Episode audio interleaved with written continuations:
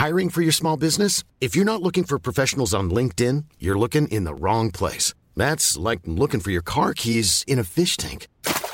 LinkedIn helps you hire professionals you can't find anywhere else, even those who aren't actively searching for a new job but might be open to the perfect role. In a given month, over 70% of LinkedIn users don't even visit other leading job sites. So start looking in the right place. With LinkedIn, you can hire professionals like a professional. Post your free job on linkedin.com slash people today. Flexibility is great. That's why there's yoga. Flexibility for your insurance coverage is great too. That's why there's United Healthcare Insurance Plans. Underwritten by Golden Rule Insurance Company, United Healthcare Insurance Plans offer flexible, budget friendly coverage for medical, vision, dental, and more. One of these plans may be right for you if you're, say, between jobs, coming off your parents' plan, turning a side hustle into a full hustle, or even missed open enrollment. Want more flexibility? Find out more about United Healthcare Insurance Plans at uh1.com. Wow. Nice. Yeah. What you're hearing are the sounds of people everywhere putting on Bombas socks, underwear, and t-shirts made from absurdly soft materials that feel like plush clouds.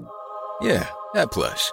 And the best part? For every item you purchase, Bombas donates another to someone facing homelessness. Bombas. Big comfort for everyone. Go to bombas.com slash ACAST and use code ACAST for 20% off your first purchase. That's bombas.com slash ACAST. Code ACAST.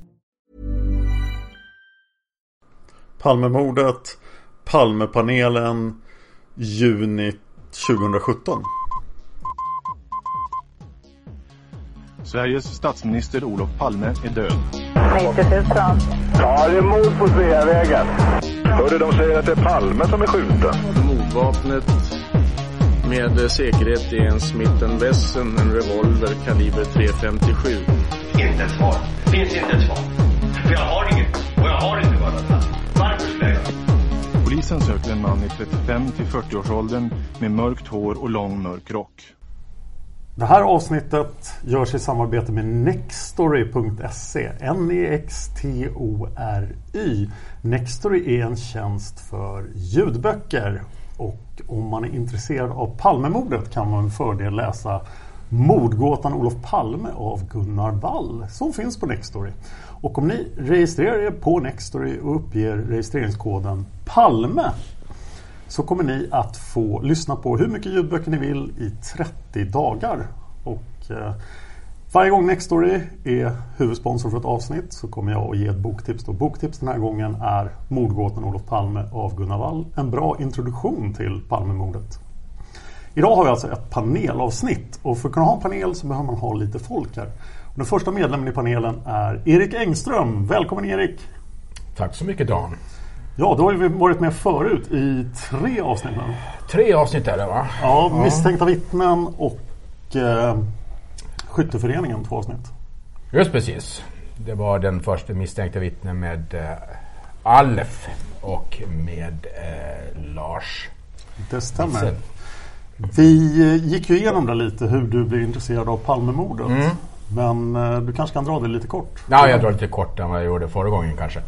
Eh, ganska så snabbt. Jag var 19, skulle bli 19 när det här hände. Så att jag var eh, ganska så intresserad utav bara samhälls eh, saker överhuvudtaget. Så jag var ju med och följde det här redan ifrån början och det var när Hans Holmér inte kom någon vart. Säga, efter det första året när han fick gå. Det var då jag blev ännu mer intresserad av att se vad är det som inte stämmer? Vad är det som är fel med det här? Och då började jag också tro, är det någonting annat som ligger bakom? Är det någon form av mörkläggning? Och efter det har jag varit tokintresserad i 30 år ganska exakt. Ja. Eh, för att ta det enkelt. Nästa medlem i panelen är Sven-Åke. Hej Sven-Åke! Ja, hej Dan! Hej Dan! Hej. Eh, hur blev du intresserad av Palmemordet? Ja, jag var ju 24 år då. Det vid det tillfället och jag minns det väldigt väl. Det? vad jag gjorde kvällen innan. Jag minns att jag cyklade hem. Jag hade varit på ja, en eh, sammankomst eh, rätt så sent på kvällen. Så jag cyklade hem vid tio tiden. Ja. Och sen hade jag som, hunnit somna då när det hände. Med. Var var du någonstans? Vilken ort? Eh, jag var i Motala, för jag är uppväxt i Motala då. Ja. Och sen minns jag, sen skulle jag iväg tidigt på lördagmorgonen där till en annan sammankomst då. Så att jag var uppe det så tidigt. Och, och sen så ringde min far på min telefon. Det var en sån här gammal eh, vev... Eller... Vevtelefon? Ja, sån här, vev, nej, sån här ja. röd kubba. Snurrtelefon. Och sa att Palme är skjuten då. Så att det, det minns jag väldigt tydligt. Sen vad jag gjorde den dagen också, det minns jag. Så att jag minns ju väldigt väl. Så att man vart ju skakad som många andra då. Ja. Eh, och jag läste ju tidningen och sen så att jag är ju... eh, Ja.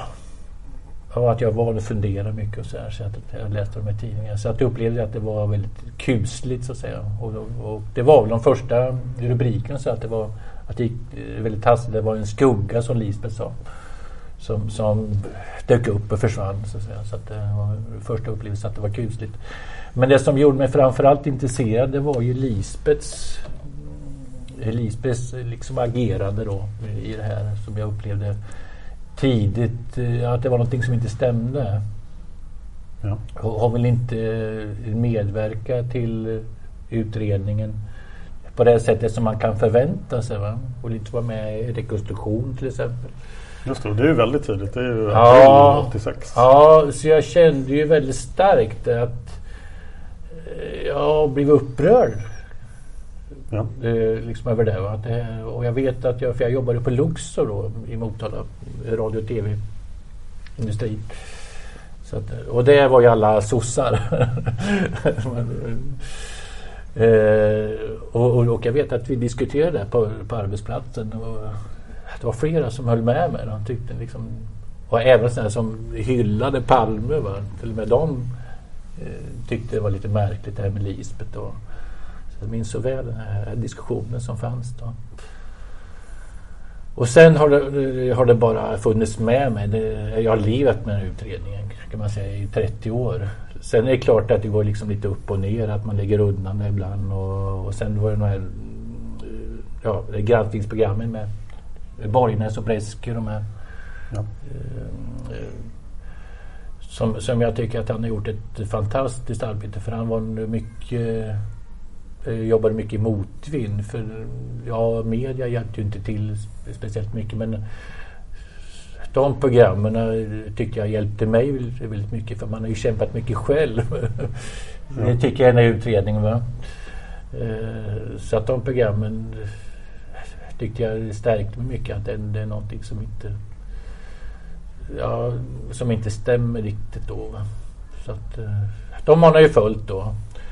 Och eh, ja, i- ifrån tid till annan. Och sen kom jag med de här olika forumen som finns på nätet, på Facebook. Ja. Palmerummet och, och så vidare. Och det var du ju, har ju startat ett faktiskt. Ja, jag fick vara med och, och bidra lite grann där. Men, men Studio Palmerummet heter det. Studio Palmerummet. Studio Nej, Palmemordet. men det, Studio Palmemordet. Och det var ju väldigt roligt att, att, att få diskutera med, med, med flera som, som, som var väldigt intresserade av det här. Va? Så det, det blev ett uppsving för mig att man känner att man inte är själv. För att jag har ju plågat mina nära och kära hemma och det, det har inte funnits något. Jag har en bror som är polis. Ja. Men han har aldrig varit, alltså vi hade ju liksom diskuterat så jag har känt mig ganska ensam då. Så va. Men det var fantastiskt att komma med och få diskutera och göra lite inlägg och, och få svar på en del och, och så här. Så att, eh, ja.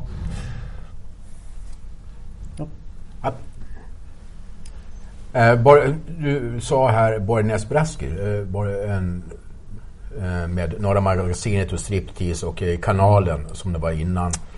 Det är på eh, P1. har Jag får med kanalen. ja. Eh, och sen så är det SVT givetvis. De andra. Eh, det som är speciellt med de eh, programmen jämte mot de andra som TV4 har gjort och TV3 har gjort. Det är faktiskt att de är helt neutrala i skuldfråga. De låter lyssnare få eh, en, eh, få bilda sin egen uppfattning. Och låta inte dem påverka att som TV3 mot Christer Pettersson eller även TV4 mot Christer Pettersson Eh, sen har ju faktiskt TV3 haft en om polisspåret också. Men det är den enda gången de har gått utanför det där. Eh, men i det här fallet så är det faktiskt eh, oerhört neutral och tar inte ställning i skolfrågan. Och det är likadant i böcker eh, när du nämner Lars Borgnäs, även Gunnar Wall. Bägge två tar inte ställning i skuld, vem det är som ligger bakom. Det gör nästan alla andra som har skrivit böcker. Ja. Känns det som i alla fall. Även om de inte vill säga det så visst gör de det. I och med att de är inriktade på någonting exakt speciellt. Putianen gör det givetvis inte heller. Inuti labyrinten. Inuti labyrinterna. Ehm, så eh, det eh, vad ska de ha en oerhört, oerhört stor cred för. Absolut. I och med att du nämnde det så vill jag bara ja, just det. flika in. Ja, men just det här kritiska ögat Mm. som man talar om i, i podden med Ja. Dan. Och det är det, det är ju det är en stor uppgift en journalist har. Att våga ställa de kritiska frågorna. Det behöver ju inte vara negativt. Va? Men att man ställer de här liksom Mm. riktigt skarpa frågorna. Och det är det som är så skönt när journalister gör. För de frågorna måste ställas. Och där var ju han ganska ensam. Jag upplever det. Och det tog ju inte skruv.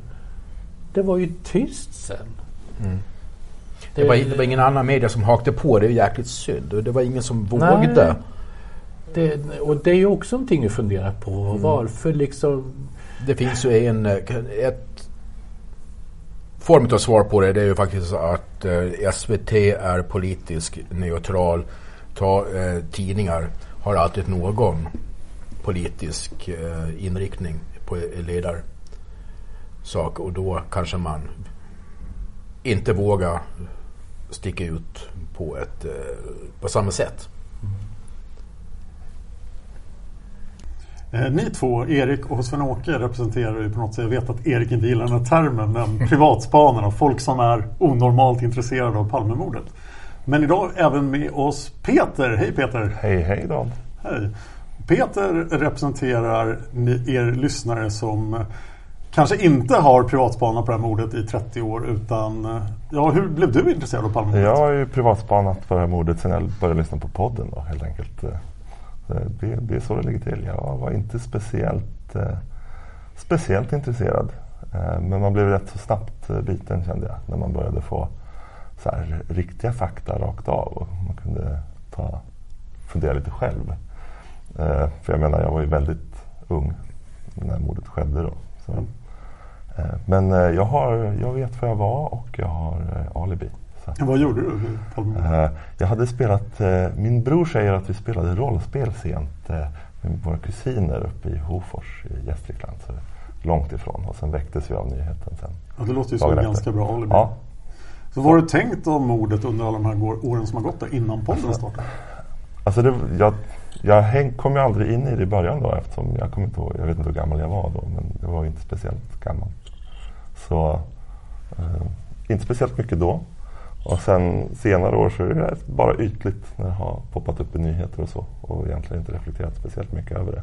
Ja. Eh, det har kanske att göra med att eh, det aldrig liksom känts att man kunnat få något djup eller förstå egentligen vad som har hänt. Ja, det är ju Eh, onekligen lite komplicerat. Ja, för jag menar, Aftonbladets reportage är ju så här, okej, det är en one-off och så säger liksom inget om fakta i målet egentligen, Nej. som man upplever det. Så det känns bara som kvällstidningsnyheter. Så, så egentligen inte så mycket.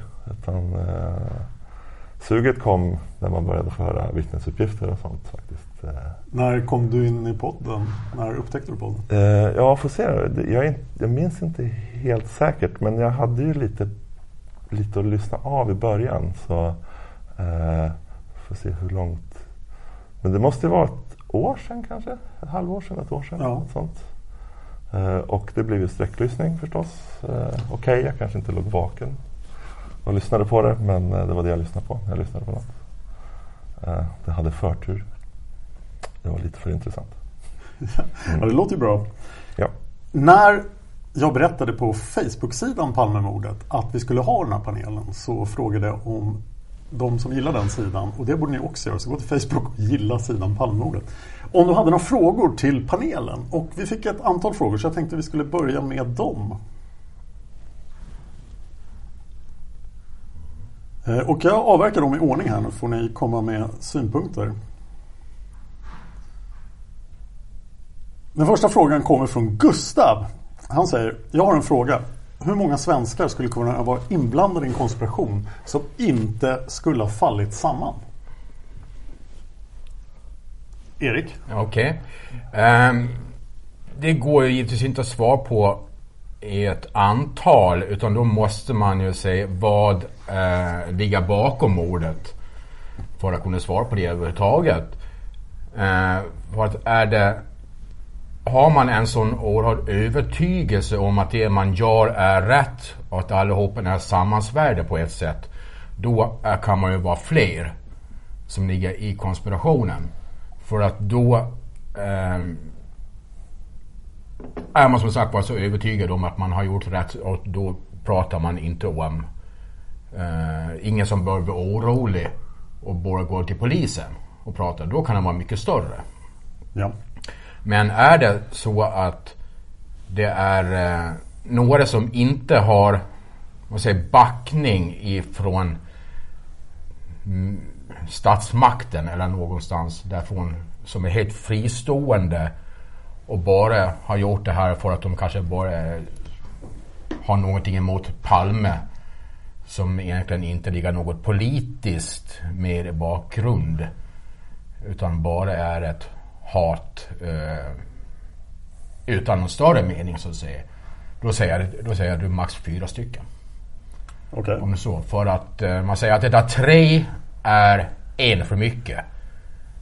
För att tre blir oftast två emot en. Och då är det alltså den som blir en är den som skvallrar. Mm. Då säger man. Och två är svårt att hålla käften i och med att kan inte alltid prata med varandra för att kunna bli upptäckta. Därför är fyra, säger man, är för då har man alltid antingen två emot två eller så har man tre emot en. Ifall, ifall någonting spricker. Ja. Så att fyra är nog ifall det är en eh, sak som inte har just den här riktiga politiska motivet bakom. Okay. Eh, om jag gör mig klar där, ni, ni förstår vad jag menar. Sven-Åke, vad tror du i frågan? Alltså, jag tror nog att det är något lite större nätverk då. Mm. Så då är, det ju, då är det ju väldigt svårt att bedöma hur många som kan vara involverade då. Men eh, att jag tror, ett, ja, jag tror att det är ganska avancerat liksom, utfört attentat då. Ja. Med, med olika förgreningar då. Så att jag tror att det är väldigt förberett det här. Eh, så då är det svårt att bedöma. Men jag tror att eh, det talas om underrättelsetjänst, stay behind. Så att då kan det finnas olika grupper då som är involverade i det. Så att jag tror att, ett, ja, att det är ett något större nätverk helt enkelt. Ja, om du skulle sätta ett antal mellan tummen och pekfingret. Ja, det är ju väldigt, det är väldigt svårt. Alltså. Man kan ju tänka sig att om det är Men... tusen personer i ett större nätverk då kommer det ju att spricka. Och jag vet ju att det finns folk som lyssnar på det här som kommer att eh, ha argumentet att det faktiskt har läckt från konspirationen. Eh, men den har inte läckt till den graden att, att den har åkt dit. Så att eh, vi har en replik från Erik. Ja, eh, säger det här också att eh, om det är då en eh, konspiration som eh, innehåller statsmakten på de olika planen, så att säga, både näringsliv, polis, militär och eh, politik är det då som jag är involverad i statsmakt. Då kan det vara en hel del personer. Men då har man olika roller också. Då är det kanske fem stycken som är från början, drar igång det här och 45 som är med mörkläggning så att säga. Va? Ja, man skulle mycket väl kunna tänka sig att det finns ett antal som inte skulle kunna sätta dit konspirationen men som vet att det fanns en konspiration. Ja, exakt. Och vet du om varför? Det är därför det finns en mörkläggning. Just det, men de skulle inte kunna leverera några bevis. Nej. Det, det, då, om det är fler personer så är det färre, så är det färre som kommer att veta helheten. vet vem det är som kanske ligger med, med som skjut. Som skjut. Ja. Och vet man inte helheten så kan man ju kanske inte klämma ur sig för mycket för att då har man inget bevis för det man säger. Och då kan alltså det vara fler personer som är inblandade. Peter? Jag blir lite nyfiken mer eh, på vad är, vad är det som förekommer? Då? Vad är det för konspirationsteorier som, som är ute där? Och hur stora, liksom, vilka är galna för att det måste vara för stort? Eh, tror ni? För jag menar, nu hörde vi 4-5 och så vad, vad kom vi upp till? Kanske 4-5 och sen ja, 50 20, 5, 5 plus 45. Ja, 45 ja. som, som okej, okay, det var vi som organisation. Så nu måste vi hålla det här tyst. Mm. Men inte kan som vi vet någonting om det. Det kan man ju förstå också. Men eh, jag tänkte bara, okej, okay, vad finns det för... Vilka, är, vilka konspirationsteorier har för många inblandade för att de skulle vara... En jättebra fråga. Uh, Okej. Okay. Erik? Ja. Uh, som har för många inblandade för att det ska kunna fungera med. Ja, som ja. verkar orimligt. Uh, det är när man säger att det är polisen som enhet Ja. Det är ju så de som säger, när man säger polisspåret normalt sett så är det enstaka poliser. Men det finns de som säger också polisen som eh, Stockholmspolisen heter Stockholmspolisen. Och det funkar ja. inte. Det finns inte en chans. Det skulle aldrig fungera i och med att det är också eh, eh, motstridigheter både politiskt och eh, ideologiskt inom polisen. För att det, det skulle aldrig fungera att ha in eh, för många inom som inte har samma ideologi så att säga. Ja, så att det, eh, det skulle aldrig fungera. Det. Jag vet ju att några har snuddat vid att i princip hela socialdemokratin var inblandad och det känns också rätt orimligt. Ja men däremot då har man då samma ideologi i sig. Ja. Vi drar vidare till nästa fråga. Är du nöjd med svaret Peter? Ja, absolut. Jag kan flika in det lite ja, grann. Ja. Ehm, jag tror att det är underrättelsearbete det här och då, då är man ju tränad att hålla tyst. Va? Eh, så att eh, då kan, kan man nog vara ett större nätverk så att säga. Liksom, utan att läcka då. Det är väl därför jag tror att det är ett större nätverk men att man är tränad i att hålla tyst. Va? Ja. Ja, då kan man, man kan också tänka sig att då är man organiserade. För, precis, för precis, att det ska vara precis. lätt att precis. hålla saker hemligt. Just. Vi går vidare till nästa fråga. Vad eh, tror ni om Skandiamannen och hans roll på mordnatten? Vi kan börja med Sven-Åke. Jag tycker att den är väldigt intressant. Skandiamannen. Jag har studerat det ganska noggrant och det kom ut en bok för något år sedan här då. Nationens fiende av Lars Ja, just det. Eh, hur man än vänder och vrider på det här så så är han en märklig figur i det sammanhanget. Så på något sätt så, så verkar det som att han är involverad alltså i någon mån. Va? Eh, sen kanske han inte passar som själva gärningsman va? men, men eh, eh, som sagt hur man än vänder och vrider på det här. Han, han har varit på platsen. Det, det är ju ganska klarlagt. Så att säga. Det, det, det är flera som vittnar om det. Då. Sen går det alltid att diskutera men, men eh, som jag ser det i alla fall så, så finns han på platsen men ändå inte så att säga då. Alltså att det, det, det, ja, så att jag, det är mycket intressant kring honom.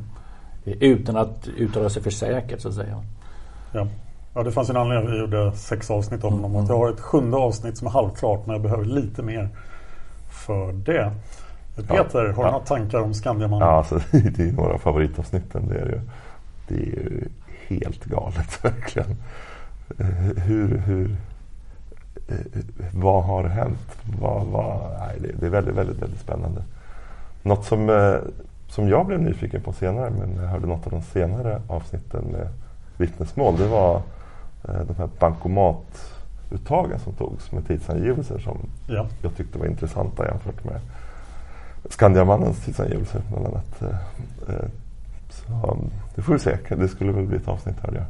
Ja, i kort så kan man väl säga att eh, bankomaten som Inges kamrater tar ut pengar i och bankomaten som Anders B's kamrater tar ut pengar i Eh, har en tidsstämpel som är alldeles för tidig. Som är flera Ja. minuter tidigare än mordet och tyder på att mordet inträffade tidigare eller att eh, båda bankomaterna gick fel. Vilket är möjligt. Erik, Skandiamannen? Har du mycket känslor om eh, jag har ju dratt vägen teori tidigare vilket har fått en viss genomslagskraft har vi sett det till och med på, på eh, eh, det? Eh, Flashback. Eh, med att han har inte ens varit, varit på plats. Att han eh, var någon helt annanstans och eh, har bett någon att stämpla ut åt honom för att han själv skulle kunna kvittera ut övertid på arbetet. Och då, den som har stämplat ut åt honom har ju då placerat han på ett ställe där han, där han egentligen aldrig var.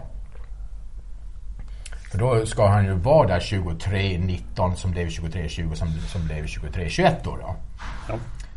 Eh, enligt eh, justeringarna. Eh, med han själv och med eh, säkerhetsansvarige på Skandia. Eh, och då måste han ju placera sig på ett ställe där han inte var. Då är det därför han går till polisen och påstår att han har varit där, där på ett ställe där inte en käft har sett han.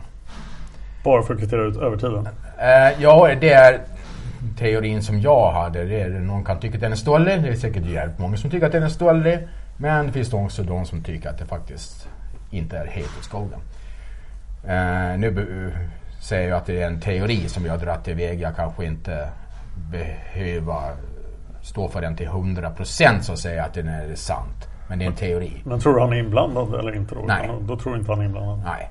Jag tror bara att han har, ifall han har varit där, att han har kommit ut.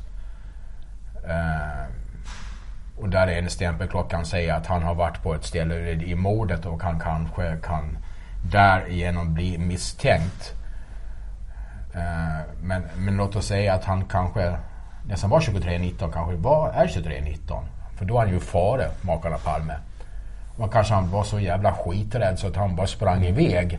Och det vågar han inte heller kanske säga då. Just det. Så att, vem vet, det kanske är han som springer uppe på David Bagares gata. Men att han var så jävla rädd när han, när han eh, hörde skott som var ett som han drog. Och det vågar han inte säga. Man vet aldrig. Nej. Men jag, jag tror absolut inte att han har någonting med det här att göra överhuvudtaget. Han känns inte helt eh, som person rätt för det ändamålet. Kan vi lämna Skandiamannen? Jag måste ju... Ja, men, han, eh, jag tror du nämnde att han i någon väldigt sen tidningsintervju gjorde några uttalanden. Ja. Som ju var så här när han pratade allmänt om hur mördaren borde ha gjort. Och sen, och sen plötsligt så går han över och använder så här inkluderande pronomen. Så här. Ja, då hade man ju eh, velat. Så det är lite mer mystik. Man spär på lite. Väldigt, eh, väldigt spännande. Men, Ja, om ni inte har lyssnat på de sex avsnitten om Skandiamannen så det. tycker jag ni ska göra det. Får jag svara lite Ja, på, absolut. på Erik där? Då utgår ju Erik ifrån då att de här ljuger. De här vakterna, säkerhetsvakten. Mm. Eh, och det tycker jag verkar lite långsökt. Att de till och med under ed skulle ljuga för att man har stämplat, äh, att man inte var där. Alltså. De hade fuskat med, med, med, med utstämpling. Ja, fast ingen av dem blir förhörd under är- ed. nej. Ingen är i tingsrätten utan det är bara deras förhör som kommer med i förundersökningsprotokollet. Ja, men Stig, Stig själv. Ja, Stig själv, ja. Han skulle ja, under ja, eden. ja, precis. De har ändå fört eh, protokoll med förhör med de här vakterna. Ja. Och det, det är ganska ingående förhör då. Och i, och i sådana fall så skulle de ljuga alltså rakt upp och ner. Jag har väldigt svårt att tro det. Ja, I princip skulle väl Eh, alla vakterna behöva vara inblandade då? Det var en av de här vakterna som kallade till sig en förhörsledare och liksom ville komplettera till och med eh, förhör. Va? Så att jag har väldigt svårt att tro att de skulle göra det och sen ljuga så rakt upp och ner. Det har jag väldigt svårt att tro. Men, men allt är möjligt i den här historien. Så att jag ut- utesluter ingenting. Men jag har väldigt svårt att se att det skulle vara ren lögn. Bara för att man, att man skulle mörka eh, ja, den här stämplings förfarandet då. Ja, det kan inte vara många hundralappar i frågan om där. Det känns ju som det inbjuder till teorier, Skandiamannens beteende. Är, Jag vill ju ja, jättegärna höra vad ni lyssnare tror också. Ett bra ställe att föra den debatten är på Youtube-kanalen Palmemordet. Där jag lägger upp alla avsnitt. Så har ni någonsin problem med att lyssna på något avsnitt så finns det på Youtube. Och där i kommentarerna vill jag höra vad ni tror också om Skandiamannen. Vi går vidare till ett annat gigantiskt ämne. Så att vi ska försöka hålla det här under en kvart. Här är en fråga från Björn och en replik från Jerry. Först säger Björn. Eftersom många fortfarande tror att Christer Pettersson är mördaren skulle jag vilja höra er argument om varför ni tror han är oskyldig. Eller så kanske någon i panelen tror att han är skyldig. Då kan det bli en liten debatt av det också. Varpå Jerry omedelbart svarar. Tillbaka till mordplatsen. De första vittnesuppgifterna. Se och lyssna på Inge i Aftonbladet 2016. Läs förhör med Lars J. Det var inte Christer Pettersson. Vem vill börja prata om Christer Pettersson och hans oskuld? Jag kan ju börja med att bocka ut härifrån i diskussionen. För jag väntar ju bara på Ja, att det ska täckas i podden här så jag får lite bakgrundsinfo. Ja, då ju- kanske jag kan berätta att det kommer att bli väldigt, väldigt många Christer Pettersson-avsnitt. Så att min plan är att göra dem i grupper om åtta när vi har kommit dit. Så börja med åtta avsnitt Christer Pettersson. Gör någonting annat, komma tillbaka till Christer Pettersson. För det, det kommer säkert att bli väldigt många avsnitt. Jag har ju bara lite försmak från Fylking-avsnittet då. Där Fylking berättar om Ja, och bajonettdådet Just det. har vi pratat om. Christer också. Ja. Så han har redan haft två avsnitt. Eh, Erik, var är Christer Pettersson? Nej. Varför inte det? Eh, både som ensam vettvilling då så eh, han skulle inte bete sig på det här sättet. Och hur skulle han kunna placera sig om, som Inge då har sett en person stående vid Dekorima. Hur skulle han kunna stå vid Dekorima och veta att Palme kom innan om han är ensam? Det går ju inte. Det säger sig självt. Han kan inte stå före dem. Så att säga. Eh, och han skulle aldrig kunna vara med i en konspiration. Eh, på grund av den personen han är. Och det framgår ju ganska tydligt i förundersökningen att eh, ska man ha en konspiration ska man inte ha med Christer. Nej. Och eh, att det, det enda som kan stämma in på honom det är faktiskt att det är skjutet i ryggen. För så- eh, har, har det sagts att så feg var Christer Pettersson. Men, eh, om, Men, man, eh, ja, om man tittar på Inges första vittnesmål där han ju ger en väldigt kort tidsperiod för mannen i Dekorima. Då är väl teorin då som åklagarna tog upp att Christer har följt efter, sprungit vidare på Sveavägens västra sida och Mm. gått över längre fram. Och då hamnat där och kunnat stå och vänta. Ja, eh, jag kan... Ska jag fortsätta? Ja. Mm. Eh, Just på det då, att han skulle få rätta. Han är inte en sån typ som har den kylan i både med... Han var inte så mycket just eh, nedgången då som han var senare alkoholmässigt. Men ändå så var han eh, amfetamin framför allt. Eh, han drack också men han blev mer nedgången senare. Men han skulle inte kunna ha den kylan att gå efter i 350 meter. Han är inte den personen som har den kylan. Det är alla de som har Harry och eh, eh, Roger, eh, hans kompisar där och även Sigge har sagt att det har, han är inte det. Han är någon som eh, agerar i raseri och inte i, i planerat. Och då skulle han inte kunna göra det. Han gå ifrån Grand och gå efter. Han har inte den sinnesnärvaron. Han kunde göra det och ha den kylan. Han har ju en enorm historia av eh, våldsbrott som han har blivit dömd för. Alla de har ju skett i vredesmod och stundens Ja. ingivelse. Exakt. Och skulle han då ha skjutit Palme så skulle han också, precis som Leif GW Persson säger också, vilket jag, alltid, eh, vilket jag håller med om. Eh, han skulle stå och eh, nästan spotta på, eh, på liket liksom. Eh, ungefär. Han skulle inte springa iväg lugnt och för att komma därifrån. Så han eh, som person och hur det här gick till så känns han bara så vansinnigt fel. Sven-Åke? Ja. Christer, mördare? Jag håller med, med Erik. Jag är ganska kritisk till att man fortfarande diskuterar Christer Pettersson. Så att säga. Han har stått inför rätta, tingsrätt, hovrätt och, och, och, och, och även högst upp i Högsta domstolen. Då. Och de har prövat den här frågan. Ja. Eh, sen skulle jag vilja vända på det här. Ja. Liksom, varför skulle han vara mördaren? Alltså, som jag ser det så är det ju ett hopkok av indicier. Och studerar man mordscenariot så att säga så finns det ju ingenting där som styrker att han var på plats vid, vid själva mordet. Utan det är ju mer vid, vid Grand och biografen. Ja. Det, det, är olika indicier där så att säga men det, det finns, det finns ingenting om, om, man bara tar mordplatsen och mordscenariot som skulle kunna tyda på att han var, att han var där. Ja, det är vittnena i resningsansökan och sen har ju vissa ögonvittnen ändrat sig till att vara Christer senare år. Men ja, onekligen tingsrätten kom ju fram till att det inte går att styrka och, men att det däremot går att styrka att han är migrant. Ja precis, precis. Men det, det, det var ju många som fann det. Ja. Så, att säga. Så, så, att man har ju valt ut honom och, och sen är det ganska, tycker jag då, tveksamma eh, vittnen då som kanske ja, hade, var påverkade och så här. Som, som, som har varit ganska centrala till och med i, i rättegången så att säga. Jag tror att du hänvisar till Roger Östlund avsnitten från Grand. Ja, bland annat och Sigge Cedergren och allt det här. Så jag ser det att det är en historia som man har plockat ihop. Men det, det som jag ser det är lösa indicier. Frånsett Lisbeth då. Ja. Men, men där finns det ju mycket tveksamheter med.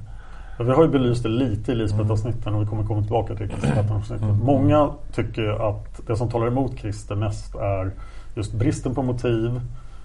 Om man inte åkallar någon slags hängivenhet till Tingström. Och eh, bristen på skjutvapen och användandet av skjutvapen. Men en sak som jag är fascinerad av. Om Christer Pettersson är mördaren. Jag är inte helt övertygad om att han inte skulle kunna följa efter lite kallt och göra det där.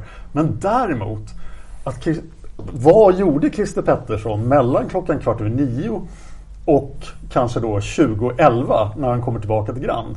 Alltså det här knalla iväg till Oxen, kröka lite, komma tillbaka. Det vittnar ju på en organisation som kanske inte är kännetecknande för en organisationsförmåga som kanske inte är kännetecknande för Christer Pettersson. Att liksom, ja, vad jag skulle göra nu är Oj, sprit. Så här, ja, just jag ska tillbaka och skjuta Palme.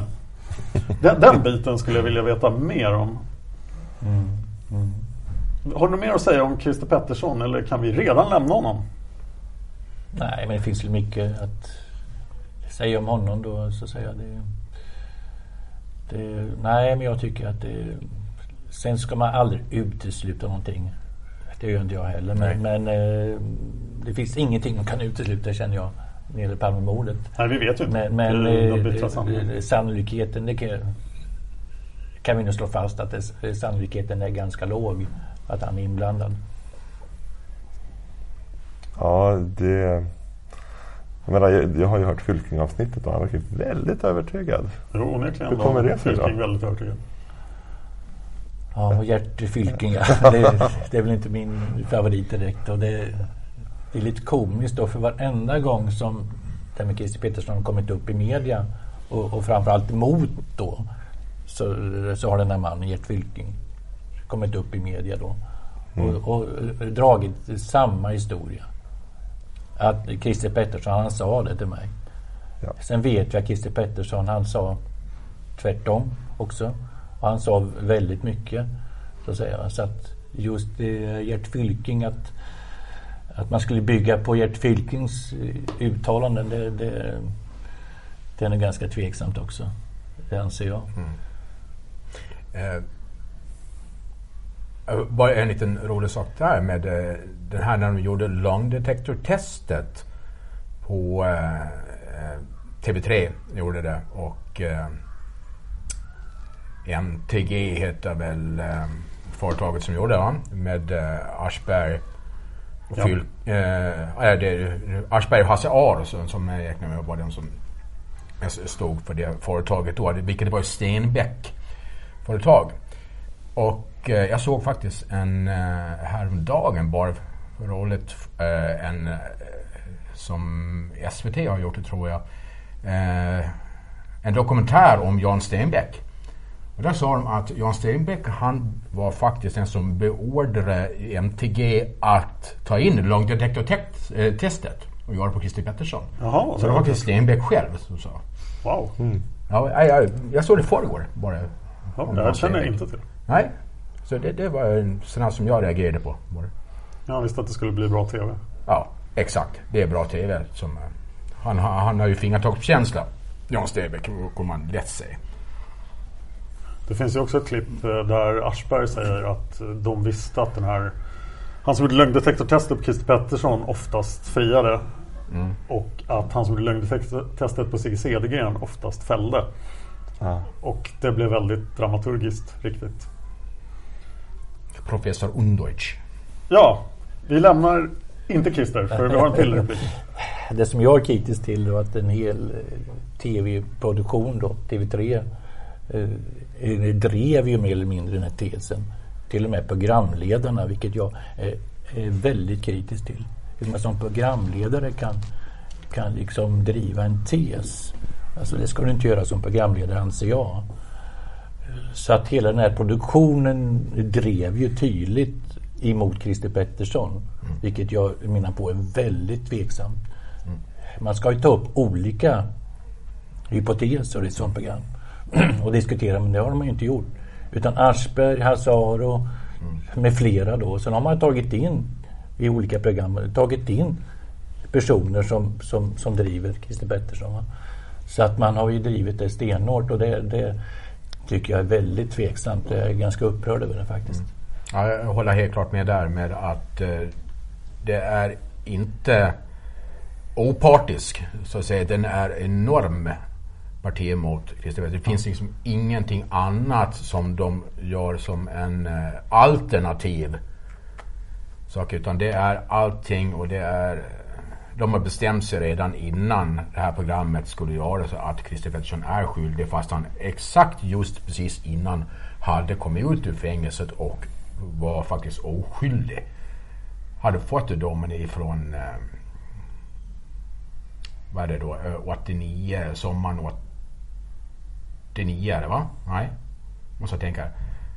Sommaren 89 är hovrätten, tingsrätten. Ja. Båda är under 89. Ja, 89, det är hösten 89. Um, ehm, när han kom ut så det här är ganska snabbt efter det. Ja. Har jag för mig. Um, och uh, att då gå på han så hårt fast han faktiskt är frikänd. Jag tycker det är, ja, det är ett sånt övertramp som de gjorde mot honom. Alltså det, det är så jävla elakt. Så att jag är Alltså jag satt också nästan kräktes på det alltså. Ja. Då kan man ju förstå att det är viktigt för Fylking att vara kompis. Absolut. I alla historier. Mm. Nästa fråga. De tjänar ju pengar på varandra så att säga. Ja. Mm. Vi kommer tillbaka till Christer senare för han dyker upp igen. Eh, här har vi en annan Christer. Eh, Erik frågar. En till fråga. Vad tror panelen om Christer A. GH som ensam gärningsman? Sven-Åke? Det var det ett tag sedan jag studerade den personen då och, eh, och det spåret. Men eh, eh, han är intressant. Alltså, skulle man kunna tänka sig en ensam gärningsman så är han rätt så intressant. Alltså han bodde tydligen ganska nära mordplatsen. Han hade ett Palmehat. Han var vapenkunnig. Ja. Eh, så att det kan ju stämma rätt så bra då. Han hade befogenheten och, och, och tydligen så hade han ett just sånt vapen också. Ja. Men som aldrig togs in. Nej. Som jag minns det då. Det fanns ju en anledning att jag började podden i princip med tre avsnitt ja, just det. om Christer A. De var väldigt bra också då. Ja, de är nog... Eh, jag är helt övertygad om att det är Christer A. Men det är bara för att du sålde in det så bra i de avsnitten. ja, just, ja, just det. Va, va, va, Han vann ju också omröstningen. Ja. Vilka var det som får det till att eh, fastna för just han? Ja, det var så dra dramaturgiskt för, liksom, folk som tar livet av sig när polisen kommer och som hade eh, okollade vapnet. Och det, är, det är liksom väldigt bra dramaturgi i det hela. Det, liksom, det, passar, det passar nästan lite för bra faktiskt. Mm. Ja visst skulle han kunna vara en bra gestalt i att uh, Sjöwall Wahlöö skulle kunna skriva ja. någon bättre ja, ja, sak om så att säga. Ja. Um, ja, ska jag, komma, ska jag kommentera honom också här då? Ja. Som person, uh, om det är en, en, en vettvilling, så att säga, en ensam galning som man refererar till, så passar han in jättebra. Ja. Han ja. har Christer Pettersson har ju fallet socialt umgänge. Eh, ja, Christer Pettersson har ett stort umgänge. Ja, Christer Pettersson. Han är en social kille. Christer Pettersson är det, men Christer A har det absolut inte. Nej. Han har väl de här som han kanske har i skytteklubben då. då. Ja. Han var med i skytteklubb, Akademiska skytteklubben mig den hette. Um, men annars umgicks han inte med en endaste människa. Inte ens en egen bror hade koll på vad han var. Oftast för det var ju hans egen bror som eh, eh, ringde till polisen för att få utan de gjorde en undersökning när han sen eh, en efterlysning på att de kom till lägenheten när han sköt sig. Just det, 2008. Ja. Um, så att uh, han är alltså inte social. Han har ingen som han pratar med och ingen som han skulle faktiskt avslöja sig för. I och med att han inte pratar med människor i stort sett. Um, om polisen skulle ha gjort en, uh, en övervakning på honom och en uh, avlyssna hans hem så skulle det vara tysta band ungefär. Det skulle bara låta tvn som skulle bara höras ungefär. Ja. Så att på så sätt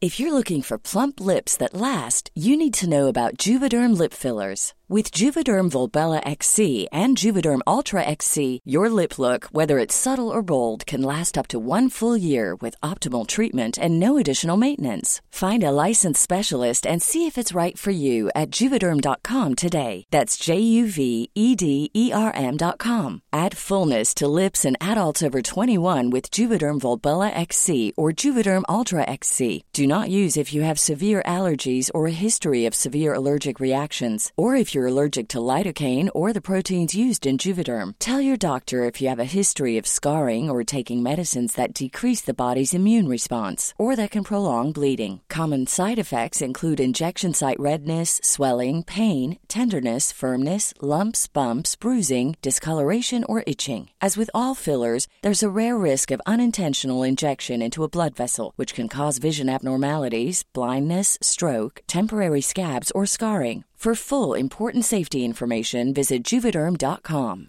Ready to pop the question? The jewelers at Bluenile.com have got sparkle down to a science with beautiful lab grown diamonds worthy of your most brilliant moments. Their lab grown diamonds are independently graded and guaranteed identical to natural diamonds, and they're ready to ship to your door. Go to Bluenile.com and use promo code LISTEN to get $50 off your purchase of $500 or more. That's code LISTEN at Bluenile.com for $50 off. Bluenile.com code LISTEN.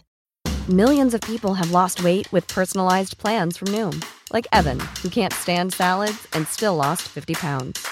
Salads, generally, for most people, are the easy button, right? For me, that wasn't an option. I never really was a salad guy. That's just not who I am. But Noom worked for me.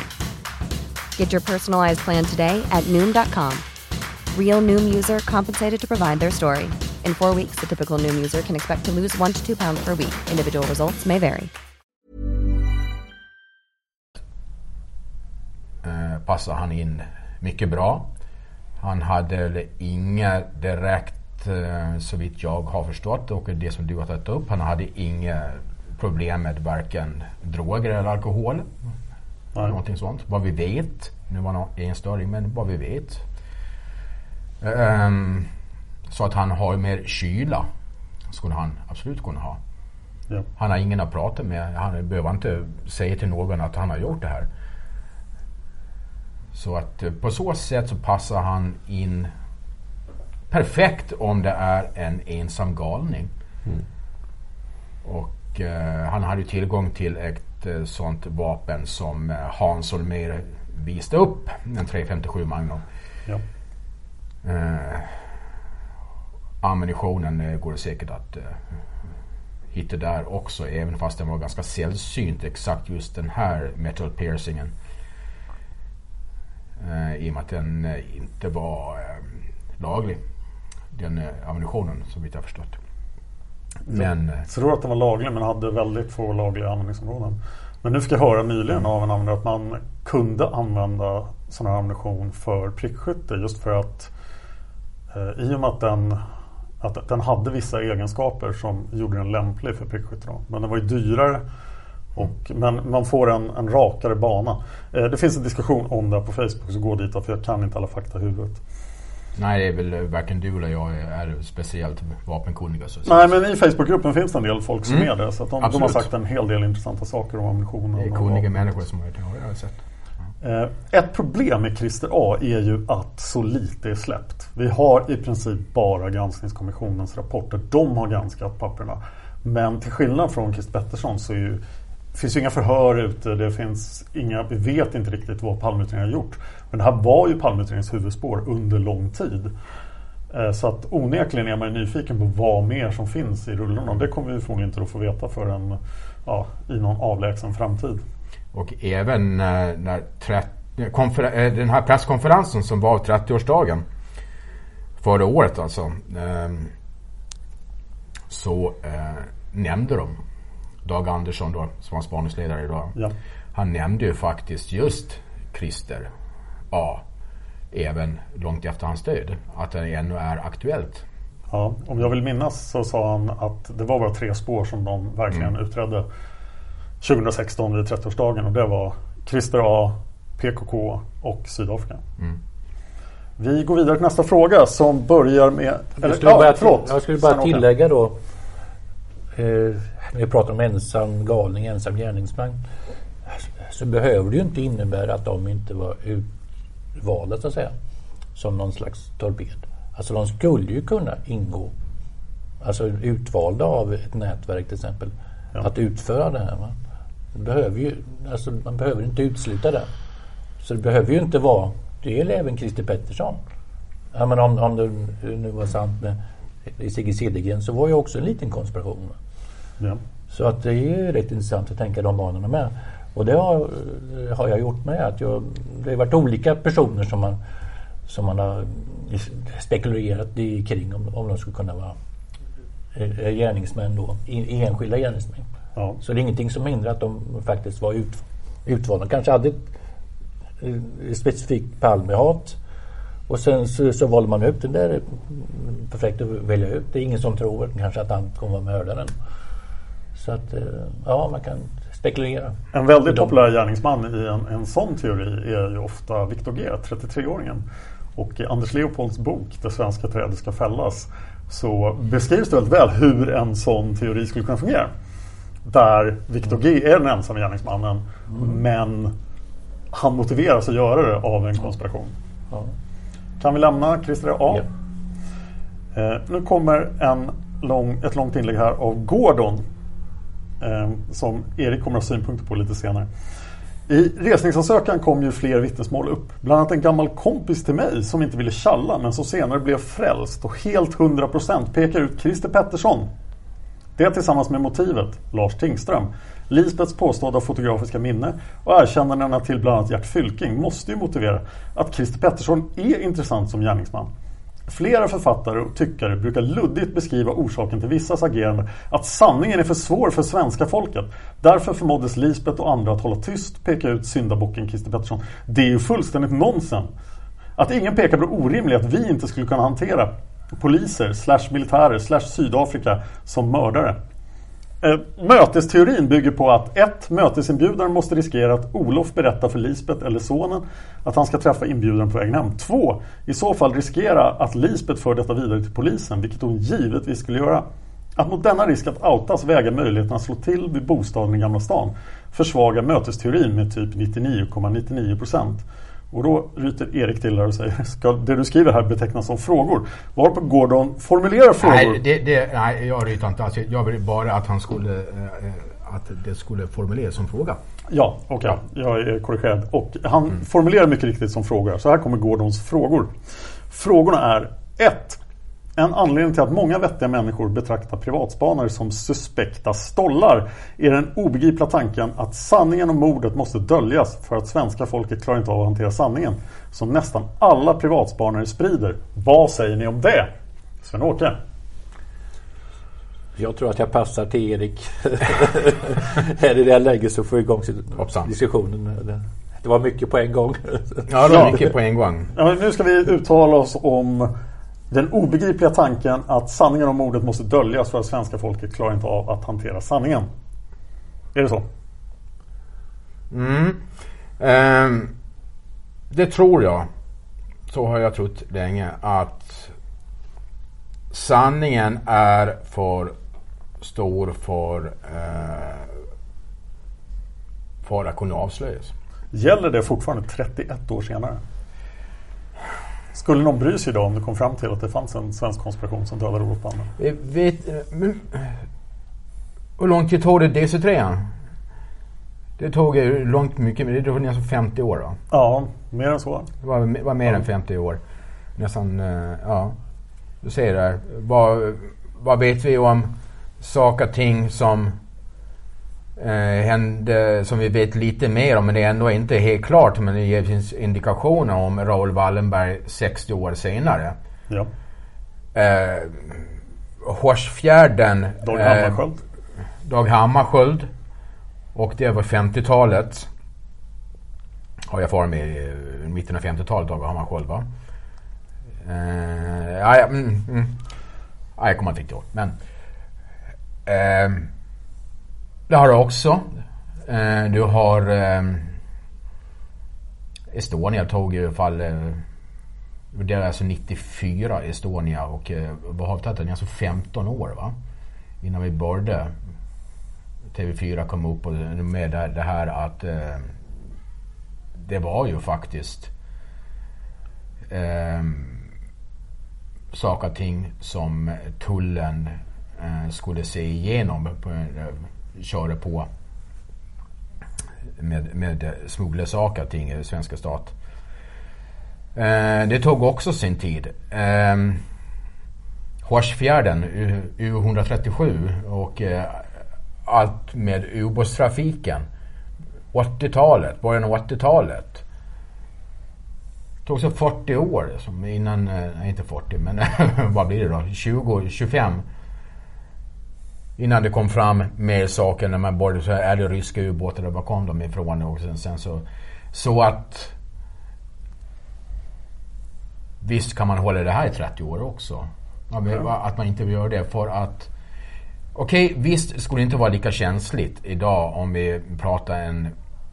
Eh, låt oss säga att vi pratar Ryssland då, då. Så skulle det absolut inte vara så känsligt idag ifall de skulle ha någonting med i och med att Ryssland då var Sovjetunionen och då är Ryssland ett helt annat styre. Ja. Eh, fungerar på ett helt annat sätt eh, bakom järnridån som var då som inte nu då så att säga. Så det skulle man kunna göra. Men låt oss säga att det är USA då. Som är någonting som man måste hålla tyst om. Ja. Då är det en helt annan femma. För att eh, USA funkar ungefär på samma sätt idag som det gjorde då. Va? Ja. Och deras underrättelsetjänst också. Det finns en av personerna som eh, 1986 där som ännu idag eh, hör mig säga George W. Bush senior. Um, det kommer vi tillbaka till i USA-spåret, CIA. Ja. Nej, men så att visst skulle man... Varför säga någonting idag om man inte sagt det tidigare. Okej. Okay. Sven-Åke? Ja, det är klart. Alltså, om det skulle vara så att eh, underrättelsetjänst, eh, inslag av Säpo, försvaret, alltså är med om en konspiration är emot sin egen statsminister. Ja. Alltså, alltså om man tänker lite djupare på det så är det ju någonting oerhört. Och det, 30 år är inte så jättelång tid egentligen. 31 var jag nu. Eh, skulle det komma fram idag så, så, så skulle nog Sverige skakas i grunden som det är flera som har talat om. Bland annat Holmér och det var någon mer politiker som talade om det. Men skulle sanningen komma fram så, så skulle Sverige skakas i sina grundvalar. Ja, exakt vad Hans Holmér säger finns på Youtube-kanalen Palmemordet. Ja, just det. Han säger ja, just onekligen det. Mm, precis. Och det, det, så att 30 år är inte så lång tid. Det är ett väldigt konstigt uttalande. Mm. Mm, ja, Onekligen.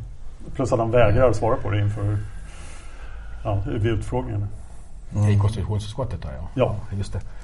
Um, det är så, om, då, precis det här som Sven-Åke säger med att uh, har vi då svensk och har vi Sverige och svensk statsmakt så eh, då håller man käften tills tills det inte finns någon koppling kvar så att säga. Då kommer det eh, ligga något papper i någon eh, något kassa, något bankfack någonstans. Som kanske kan eh, få det här till slut efter många år. Varför, om det är, då är svensk statsapparat, varför ska du då bara snacka efter 31 år? Det finns ingen anledning. I fall vart, har man eh, hållit käften i 30 år, 31 år så kan man lika gärna fortsätta hålla käften. Ja, man måste ju ha något slags incitament för att börja prata förstås. Eh, jag tycker vi går vidare till Gordons nästa. Det finns ju likheter med Kennedybordet också. Alltså mm. det har man ju fortfarande att diskutera. Va? Ja, och, och, så, att, så det är fortfarande laddat egentligen. Då. Mm. Och det är 53 år? Ja, precis. Så att det, det är klart. 54. Snart 54. Är det klart, är man med och medverkar till sin egen statsministers död, alltså då blir det blir en väldig kris även om det kanske är 50, 60, 70 år. Så. Gordon har en till fråga.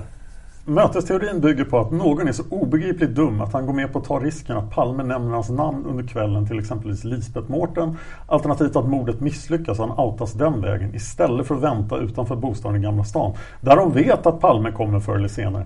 Är inte det ett orimligt scenario? Sven-Åke? Ja du, ta det där igen. Mötesteorin bygger på att någon är så obegripligt dum att han går med på att ta risken att Palme nämner hans namn under kvällen. Eller att mordet misslyckas. Och att han outas den vägen då. Och alternativet skulle vara att vänta utanför bostaden i Gamla stan då. Så där Palme kommer förr eller senare.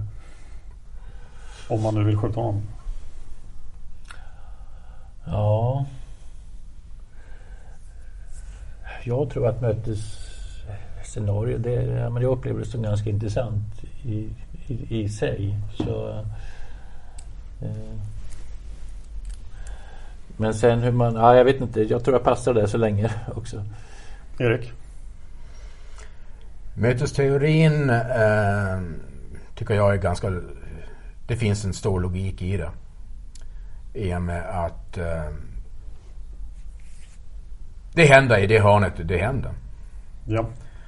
Uh, tycker jag inte behöver säga mycket mer om det. Men däremot det andra som uh, Gordon tar upp här med att uh, vad säger han? Att, uh, att skjuta Palme utanför bostaden i Gamla Nej, inte det. Men att uh, han skulle ha sagt det här till uh, att det skulle varit mötesstörre. Det, det är en bra, det är en mycket bra aspekt. Mm. det är ju en risk. Helt klart en risk. Ja. Och att vem det är som har sagt åt honom att mötet ska vara. Där har du alltid, eh, det håller jag med Gordon till 100% att där har du en stor risk. Ja. Ifall Olof skulle säga och när skulle han få reda på det?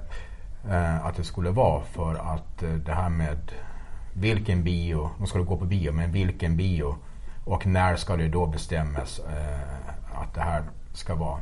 Eh, det är alltså 18.30 som Mårten pratar med Olof i telefon okay. under kvällen. Eh, så det där håller jag med han om att det är en risk att eh, ett namn kommer ut. Ja. Jag känner starkt att Gunnar Wall har svarat på de här invändningarna i mötesscenarien-avsnitten. Så lyssna på dem. Men eh, ta det här sista också med eh, varför inte Gamla stan? Ja. Många säger det och eh, säger det är enklare i Gamla stan. Um, nej, säger jag. Visst är det enklare om för att du vet att han ska dit. Det ska han ju alltid varje kväll. Ja. Ifall han inte har något politiskt uppdrag någon annanstans. Så ska han ju alltid hem. Ja, speciellt på en fredagkväll. Ja. Um, så på så sätt är det logiskt. Men däremot inte platsen speciellt bra. Varför inte Väster, nej, Västerlånggatan och de små gränderna i Gamla stan är trånga.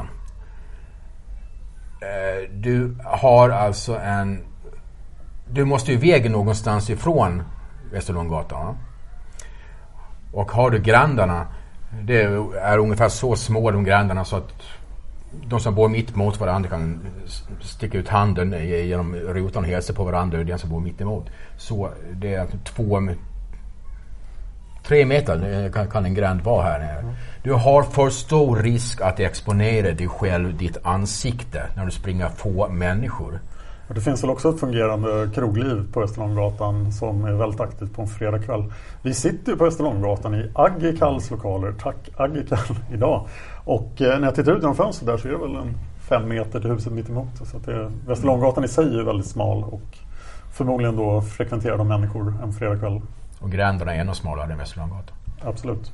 Sen är det en ö också, Gamla stan. Ja, Så det är lite... du måste ju du måste ju från någonstans. Och, det, och i gatorna här är ju, förutom då de som går norr-söder som eh, Västerlånggatan, eh, Stora Nygatan, eh, speciellt de två.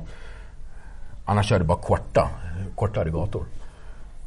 Och du har alltså, du vet inte vad som händer runt hörnet.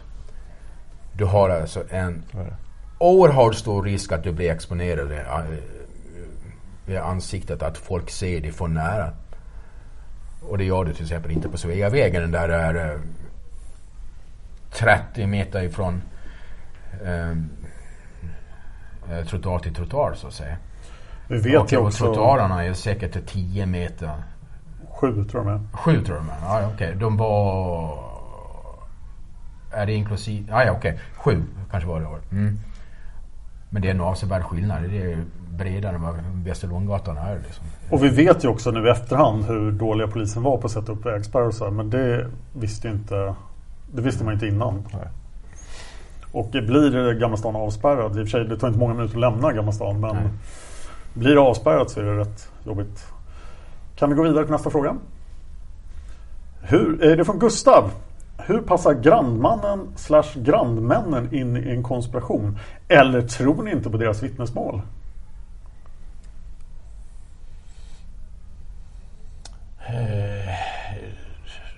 Jag tycker de här liksom grandmännen som var tydligen var flera då. Det, var, ja, det var minst två i alla fall. Som, Ja, som, det- som, som kan tänkas vara grannmän. Då. Fem tror jag hittade som mest. Ja, oj då, var det till och med så många. I grandavsnitten.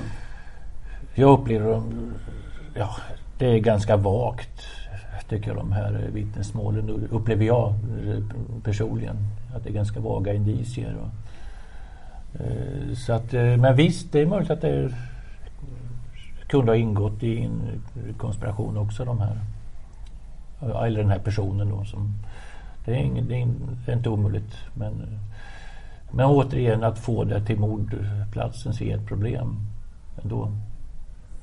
Det är lite Ja. för lösa är det inte rimligt att en konspiration bevakar Grand? Det måste de väl nästan göra? Ja men du har ju walkie-talkies eh, så att du behöver egentligen inte någon som står och blickar in. Men, du måste ju se vad Palme tar vägen efter Grand. Han har ju ett antal Ja just det men sen att de står och stirrar in i biografen och, och så vidare. Alltså det, det, jag vet inte. Jag tycker det är lite suspekt att göra för, för mycket av det. Men, men visst, det är mycket möjligt att de ingår. Men jag tror inte man ska göra för mycket av de vittnesmålen egentligen. Var är grannmännen observerade någonstans? Utanför Grand. Precis utanför bara eller? Ja, upp till gatan bakom. Jag tänker, det, det känns ju lite sådär att stå och kupa händerna vid fönstret. känns ju lite konstigt. Ja, men det är ett vittnesmål. Det finns ju just utanför och ja, på Sveavägen och så upp mot uh, uppför Tegnérgatan. Ja, det är lite mer. känns ju lite vettigare för en konspiration. Erik? Sen, sen kan man ju fråga sig då en vanlig uh, fredagkväll efter löning. Ja. Så att säga. Uh, det stryker ju omkring, alltså så pass sent så stryker det omkring både den ena och den andra kanske lite småskum typ då. Så att skulle det hända någonting annat en sån fredag så tror jag att det finns många vittnesmål om märkliga personer som beter sig lite småskumt. Och, så att jag tror att man ska vara lite försiktig med att göra för mycket av de här vittnesmålen. Men, men uh, visst, allting är möjligt. Så att säga. Ja, det är en övning jag vill göra och gå på ja, just det. gå Ja, runt Grand ja. på en fredagkväll efter löning och se hur mycket konstiga människor man ser. Ja, visst. Ja. Hur man nu bedömer det. Men... är vi klara med grannmännen? Ja, jag kan ju bara komma, in, komma in på det också. Ehm, konspiration och eh, grannmän, ja, eh, inte alls omöjligt. Och det bygger jag på det att ingen utav grandman eller grandmän, vilket vi nog måste säga till grandmän, är identifierade. Det är. Och det som är saken att det skulle kunna vara med i en konspiration. Men däremot att någon står och trycker, trycker nyllet emot ytterdörren. Det, nej, den människan är inte med i en konspiration ska jag säga. Utan är det någon som kanske har observerats eh, som eventuellt grannman så skulle jag tro att den personen har stått på andra sidan Sveavägen. På östra sidan emot, eh, mot hörnet mot Tegnérgatans eh, östra del.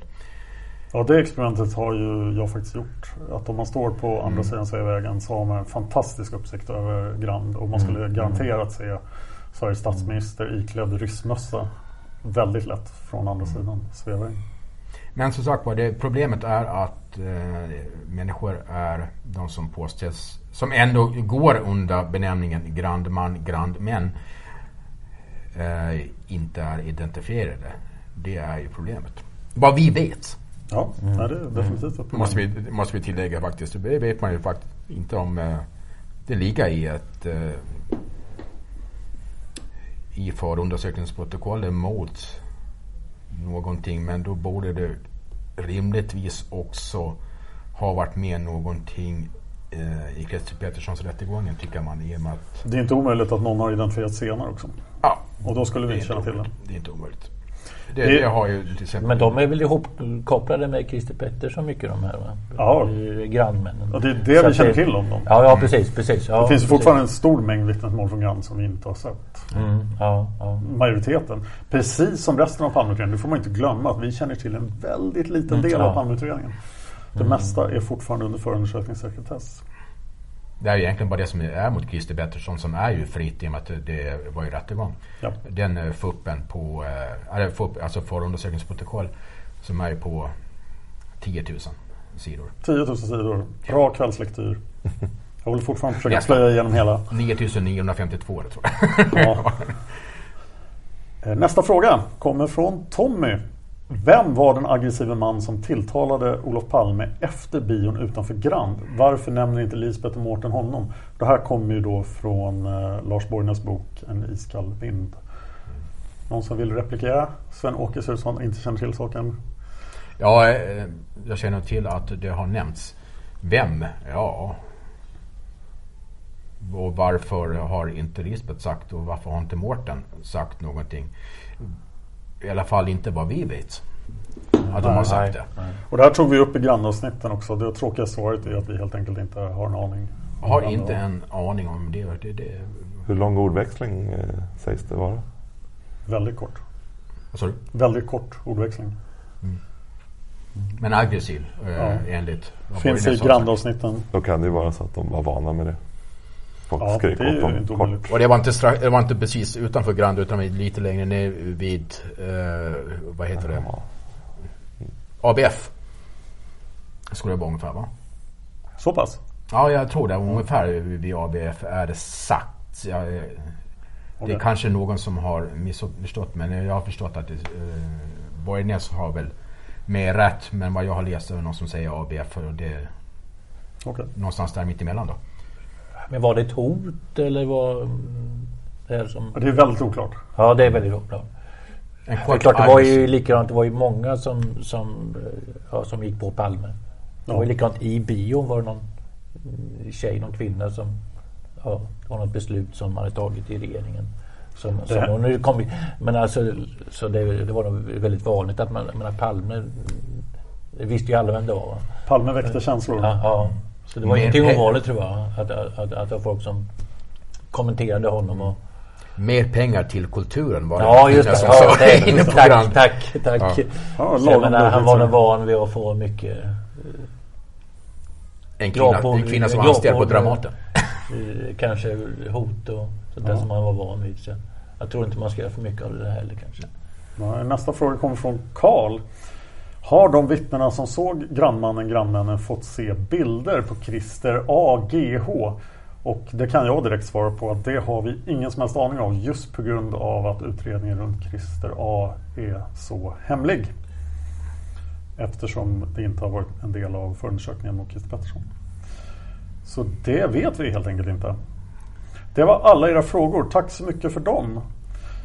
Bra frågor. Ja, jättebra frågor. Och om, om ni gillar den här idén med ett panelavsnitt så kommer det att komma tillbaka och då kommer det komma en ny frågetod i god tid. Eh, vi tänkte prata om lite andra saker också. Jag vet att Sven-Åke har saker han vill tala om. Jag har lite funderingar här. För, för, för mig var det ju så att när, när jag blev intresserad av eh, Palmemordet då, och eh, det här med Lisbeth och så var det kanske först då enskilda spår. Det var polisspåret, det var Viktor Gunnarsson. Men sen för mig har det liksom växt då. Eh, utifrån olika aspekter då. Eh, så för mig känns det som ett stort pussel. Alltså man, man kan ju till och med dra till med tusen bitars pussel. Va? Det är väldigt stort, det tar lång tid. att Ja, bygga, minst va? 10 000 bitar skulle jag säga. Ja, minst ja, precis. Men det kanske räcker att ta ett, ja, 10 000 bitars pussel då. Men, men alltså det tar ju lång tid. Men det, så upplever jag det att det liksom växer fram. Man får den ena i, i lilla biten, pusselbiten som liksom bildar en eh, bild, alltså tydligare bild. Så upplever jag efterhand. Va? Sen så kan det ju vara fler, fel att man har lagt fel och så, så, så det blir en, ja, att det blir en felaktig bild eller sådär. Va? Men, men, eh, och där finns det ju väldigt mycket man kan titta på. Va? Vi har det här med, med motivbilder och som finns så mycket som helst egentligen gäller Palme då. Va? Ja, onekligen. Har ju Moskvaresan. Det var ju ett klimax av, av eh, kritik emot Olof just vid tiden för mordet. Ja. Och jag minns ju Carl Tam. Han var ju eh, folkpartist men han var ju sedermera utbildningsminister i, i, ja, som sosse då, inom socialdemokratin. Och han, han, eh, han skrev ju en, han skrev en artikel då mot den här kritiken inför Moskvaresan. Alltså det var väldigt stark kritik emot att han skulle åka till Moskva.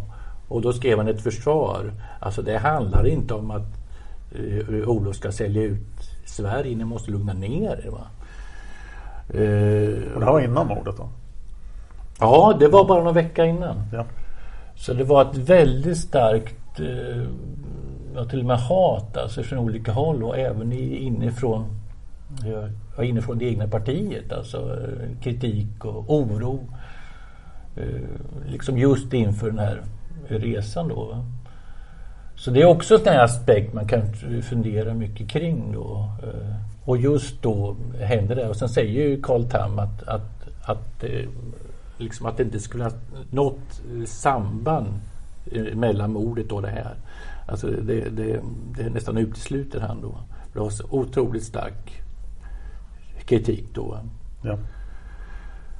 Så att eh, det är ju en aspekt man kan fundera kring och, och sen det här med eh, mörkläggning som många funderar kring. Det är också sån här med sanning och såna olika begrepp som jag funderat mycket kring. Det med sanning och lugn till exempel. Va? Eh, att det, det, finns vissa tecken på att det, det är liksom mörkläggning. Det är handlingar som har försvunnit och eh, Eh, det är vittnesmål som har, negligerats. Och, mm, så det finns ju hur mycket som helst då. Eh, sånt där som man kan fungera, fundera kring. Då. Eh, ja, så det finns olika aspekter. Och sen hur medias... För jag lyssnar ju på poddinspelningen med, med Lars Borgenäs, det här med medias, medias och det är också sån bit man kan fundera kring. Va? Det har också varit ganska vinklad, tycker jag, då, emot eh, Christer Pettersson. Då. Vi har talat om TV3 och, och liksom även tidningarna då. De har pytsat ut med jämna mellanrum eh, liksom olika scenarier då som har vinklat det på, på olika sätt. Då. Så att det, det, det är mycket fundera kring det där tycker jag som, som liksom får igång ens mm, tankeverksamhet och fundera i, i olika, i, i, olika banor. Då. Uh, ja, det är, det är lite, lite sådana. Då, då, undrar jag kring den här kritiken mot Palme precis inför resan. Mm, där mm. Uh, hur, för jag minns ju inte det, det var nej, jag nej. alldeles för ung.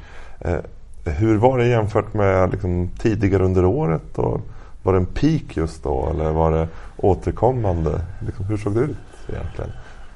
Hur, hur illa ute var han? I, ja, i, nej, men det verkar som att det var en peak då alltså. För eh, han var ju politisk eh, reporter han Mats eh, Svegfors i, i, i, Svenska Dagbladet. Ja. Han, han uttalade sig i den här senaste eh, dokumentären, eh, ja, de sista timmarna tror jag han heter. Va? att han just den dagen skrev den mest kritiska artikel som han någonsin någonsin har skrivit mot Olof. Som skulle komma ut på lördagen. Men som han i sista stund kunde, kunde stoppa då. Va? Eh, så att det tyder på liksom stämningarna. Eh, otroligt eh, stark kritik det fanns då. Jag är ju, jag bor ju i Vetlanda.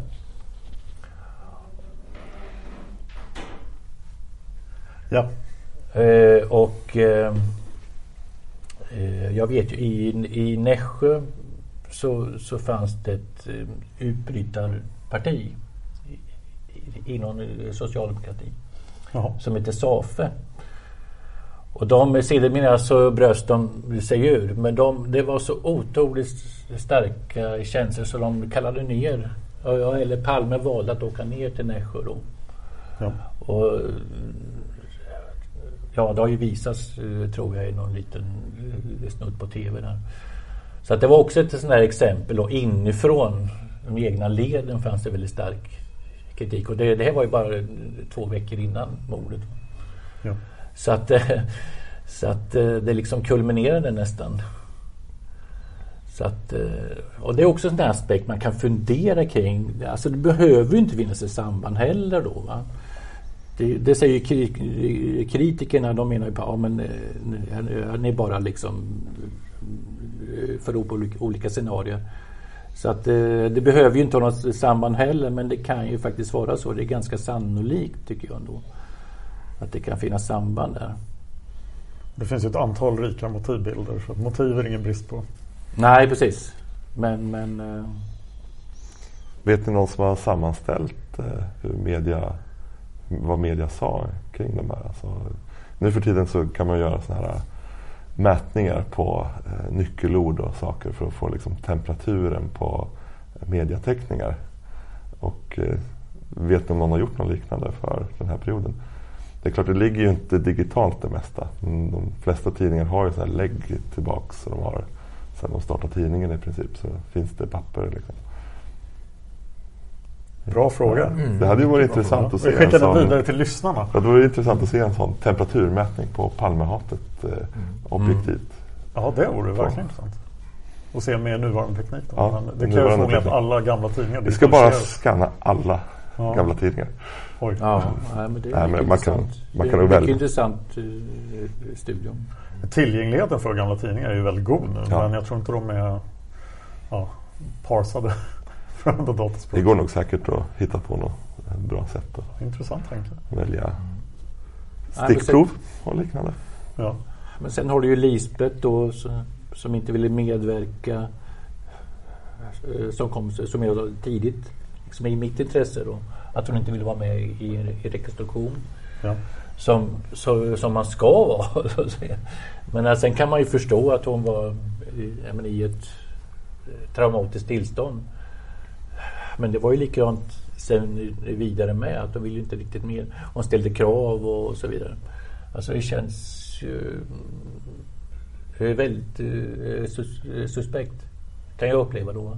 Så det, det är också sådana här bitar. Det finns så mycket sådana här bitar man kan reflektera över och filosofera över med som jag gör lite grann med då. Att, Ja. eh, vad, vad de här olika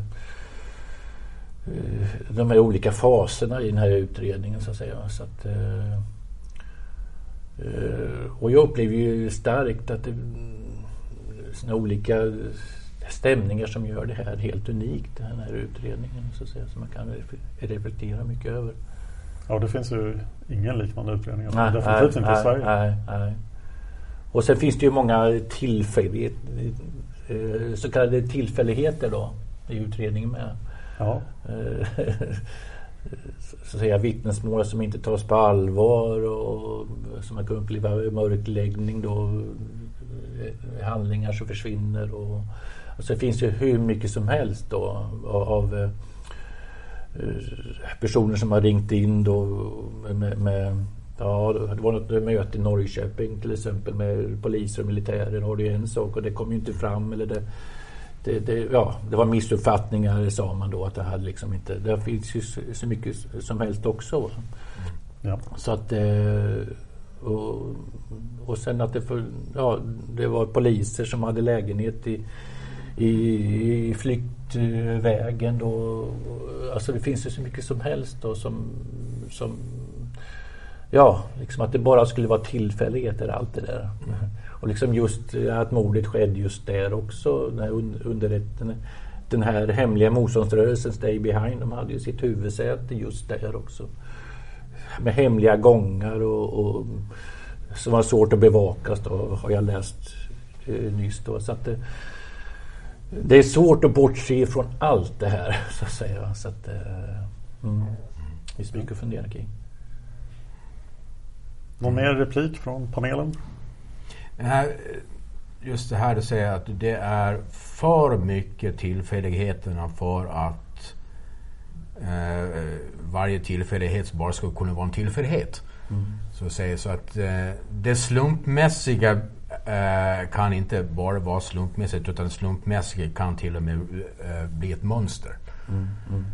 Eh, och det är alltså för mycket frågor som inte har svar i det här. Det är för mycket människor som inte är identifierade. Och eh, sen så, när det visar sig i slutändan så kommer 90 80-90 procent ännu lik förbannat vara en slump. Men det är för mycket. Motargumentet är ju att det är en sån exceptionell händelse att allting folk observerat under den kvällen. Mm. Att deras ja, observationsförmåga förstärktes så mycket i efterhand att de, de skulle i vanliga fall ha observerat så här mycket konstiga saker men inte brytt sig eftersom Nej. ingenting hände. Nej. Men det är onekligen väldigt mycket saker som händer den här fredagskvällen. Precis. Mm. Nej. Men, men vet du, det, är kanske, det händer kanske precis som en, vilken fredag som helst. Det kan det ha varit. Men eh, det vet vi ju inte i och med att det aldrig rapporteras på samma sätt. Men, naturligtvis så, så får man ju bolla för och emot. Va? Mm. Men nu har det gått 30 år. Alltså jag har läst och studerat det i 30 år. Utifrån olika aspekter. Jag har försökt att inte liksom styras för mycket av mina egna känslor. Men det gör man ju ändå naturligtvis. Va? Men det gäller att vända och vrida och fundera i olika banor för och emot också. Va? Men, men eh, liksom ifrånsett det så, så är det så mycket som talar för att det är någonting som inte stämmer. Här, va? Så att, eh, och det är det, det är det som är intressant att fundera liksom utifrån olika vinklar på det här. Man, olika scenarier, plocka ihop olika bitar, tillfälligheter vi pratat om. Ja. Eh, det med walkie-talkies är en annan bit som man först nu, alltså man har ju, man har ju liksom negligerat det här i, i 30 års tid och sen helt plötsligt så säger man det här är mycket intressant. Va? Ja. Så att det är liksom en seger för eh, liksom olika vittnesmålen då tycker jag som man kan ta på allvar. Alltså när det är typ som man kan tycka är seriösa mm, vittnesmål då ska man ju eh, liksom inte bara negligera utan man ska ju ändå försöka ta det på allvar. Va? Så att det, det är ett bevis på det att man ska inte bara bortse helt ifrån det här konspirationsteorier och så att eh, ja. ja. Någon mer som vill tillägga något? Jag kan nämna att vi i nästa avsnitt kommer att börja granska den högintressante Polisman A i ett antal avsnitt. Och eh, när vi har gjort det så kommer Erik att komma tillbaka och ge oss en liten introduktion till polisspåret. Så ska mm. vi försöka sammanfatta polisspåret i stora drag i ett enda avsnitt. Spännande. Men polisspåret i sig är givetvis ett antal avsnitt som kommer senare i podden. Och en spelfilm. Nej. En spelfilm? Nej, nej okej. Okay. Ja, nej. jag bara jag ska Vi måste starta en Kickstarter för det. Det ska nog bli en väldigt förvirrande film. Ja. ja. Mm. Oral Big Indies ja. ska det vara. Eh, ja, då får jag tacka er för att ni kom hit. Ja, tack Don för att ja. jag fick komma. Ja, tack. Tack så mycket. Man hittar Palmes mördare om man följer PKK-spåret till botten. För att ända sedan Julius Caesars tid har jag aldrig hört talas om ett mord på en framstående politiker som inte har politiska skäl. Polisens och åklagarens teori var att han ensam hade skjutit Olof Palme. Det ledde också till rättegång. Men han frikändes i hovrätten. Nu ska vi ut och röva, trodde jag. Vi ska ut och röva.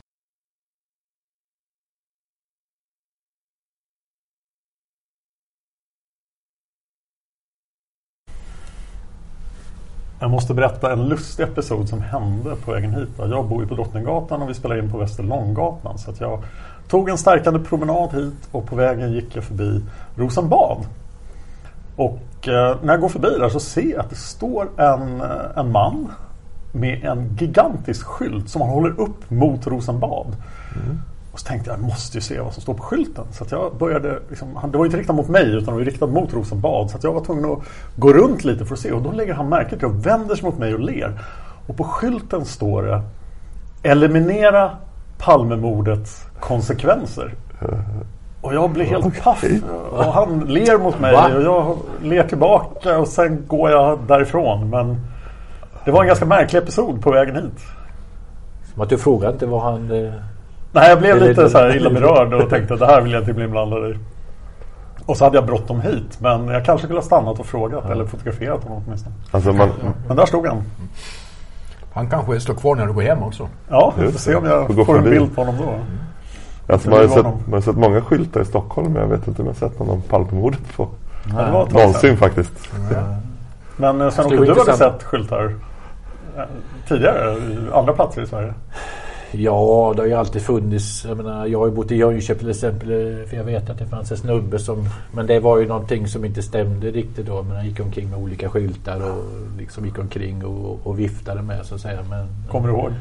Nej, jag minns inte riktigt. Men han gick ju alltid omkring med, med, med någon plakat eller någonting. Va? Men det, det var, liksom, det var otydliga budskap och så det var väl inte riktigt friskt då, som man upplevde i alla fall. Va? Den mest berömda är onekligen Skyltmannen i Lund men han kommer vi tillbaka till mm. under spåret exotiska uppslag. Vi ska diskutera Skyltmannen och hans Palmemordsteori. Jag känner att eh, Dan har ett uppdrag här Aha. efter inspelningen. Uppsöka den här mannen. Ja. Ja, det vore intressant att veta vad, vad, vad han lägger i för det är intressant eh, tanke kanske var, var, var, eller ursprung. Ja, man skulle gärna vilja veta vad han menade, vad uppmaningen var till, Ja. till regeringen nu. Det kan ju vara intressant, alltså, intressant att veta vad, Ja. vad, vad han menar. Gå tillbaka Är han lite knepig eller har han otroliga insikter? Var, eh, Ja, lägg om politiken, gå tillbaka till Palmepolitik. Mm. Inför löntagarfonder.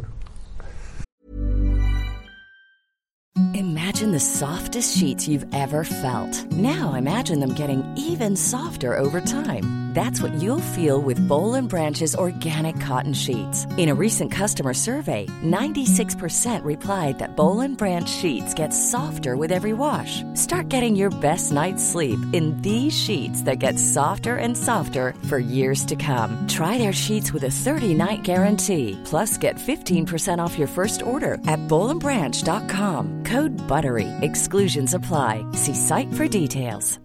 Hi, I'm Daniel, founder of Pretty Litter.